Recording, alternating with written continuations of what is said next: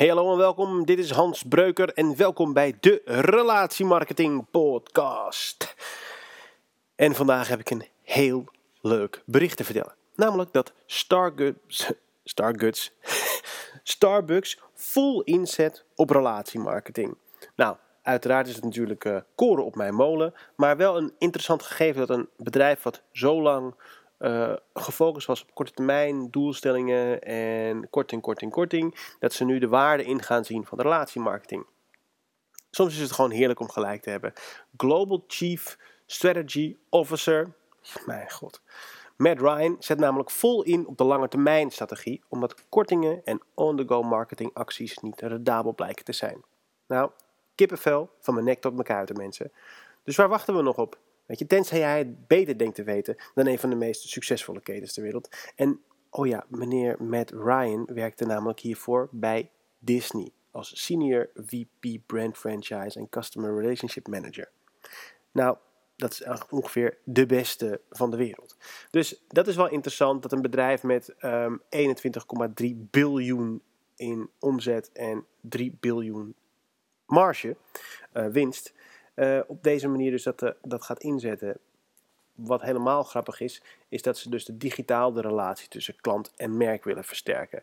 In de winkel zijn ze daar, denk ik, voorlopers in. Hè. Dat ze hebben als eerste eigenlijk een soort van huiskamer-effect willen uh, realiseren en dat op ma massive schaal weten te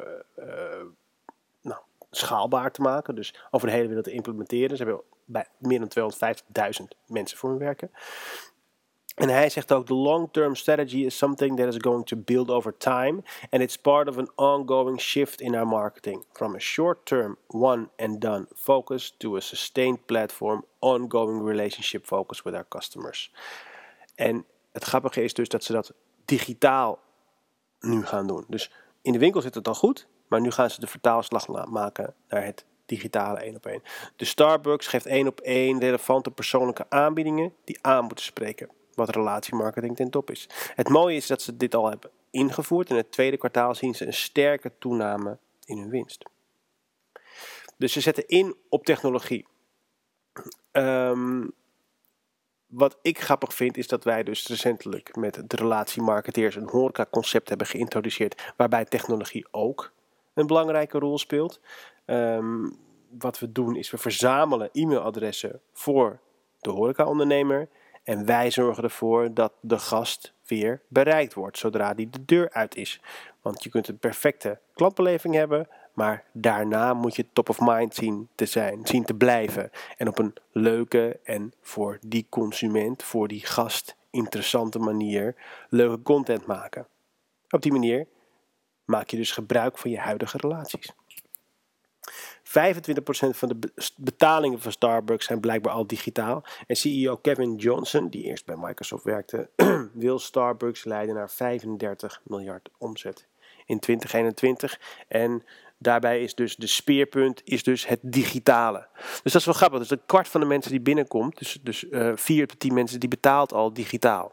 Uh, nee, niet vier op de tien natuurlijk, 2,5 op de 10. Dus um, dat is al een gegeven. Kijk, dat zal niet zo snel in Nederland, want de horeca is redelijk low-tech. Denk ik niet zo snel um, vormgegeven worden. Dat, dat ligt nog, die investeringen zijn het nog niet waard, denk ik. Maar in de toekomst, zeker met, met franchise-ondernemingen als McDonald's, als ik altijd een, uh, weet ik veel, een Big Mac neem. En die neem ik altijd. En dan neem ik bijna altijd een uh, milkshake bij. Dan is de kans misschien best wel groot dat als zij, bijvoorbeeld ik noem hem altijd een aardbeien milkshake erbij. Dat zij een aardbeien ijsje ontwikkelen. Is de kans groot dat ik die waarschijnlijk wel als toetje wil. Dus als ik een mailtje krijg van hun en zeggen dit deze keer is de Big Mac menu met aardbeien milkshake plus een aardbeiering uh, uh, in, de, in een korting of gewoon, gewoon een introductieactie. Niet eens korting, maar gewoon van dit hebben we nieuw. Dan is de kans groot dat ik dat ga proberen. Want ze zien aan mijn data dat ik daarvan hou. Dus op die manier krijg je mij weer over de vloer. Dat is natuurlijk nu met de huidige manier hoe we horeca marketing doen wat lastiger. Want dat zou betekenen dat, dat je alle gegevens hebt van die klant. Dat die klant iedere dag de club sandwich neemt. Of iedere keer als hij er is de tomatensoep. Dan is het ook interessant om eens een keer te kijken om de, de aan te bieden bijvoorbeeld. Hè? Dus voor de niet-kenner een soort van koude tomatensoep. Ehm, en op die manier kun je veel gerichter dus die marketing doen. Maar laten we maar eens beginnen met de data van die klant überhaupt krijgen. Uh, en in mijn recentelijk gegeven masterclass relatiemarketing, waar een, die volledig in de podcast al staat, die kan je beluisteren, gaf ik al aan dat emotioneel betrokken klanten graag zien dat hun favoriete merken een grote rol, rol in hun leven spelen. Wat natuurlijk mind-blowing is, want dat betekent dus dat als je een emotioneel betrokken klant hebt, dat die veel meer van jou wil afnemen dan je nu al doet. Nou, Starbucks is daar natuurlijk een, een, meester in. Maar kijk in Nederland ook naar een goed voorbeeld, vind ik, is dat Jumbo Laplace heeft overgenomen. En die hebben goed gekeken naar wat zijn nou uh, populaire Laplace artikelen. Ik weet zeker dat er heel veel fans van Laplace zijn. Dus wat doet uh, Jumbo nu? Die heb, dat heb ik gezien, ik heb er niet helemaal ingedoken, maar die hebben die kruidenboter. Die hele bekende Bislo kruidenboter van Laplace nu in een potje. Dat vind ik super slim. Dus dat kan je nu ook thuis eten.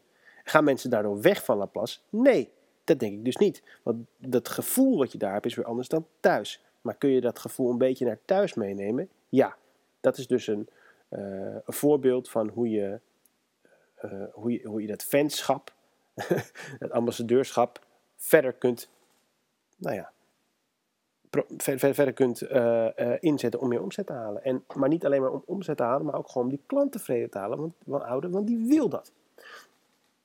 Dit is wat uh, uh, uh, Kevin Johnson zegt. We will, we will be driving a consistent and su sustained message to the consumer that leverage the fantastic lineup of new beverages, great food pairings, a more welcome environment for our customers, and reinforced engagement with our customers once they are in our doors. Met andere woorden, we willen die cross-sell, die upsell en die deep-sell perfect gepersonaliseerd maken.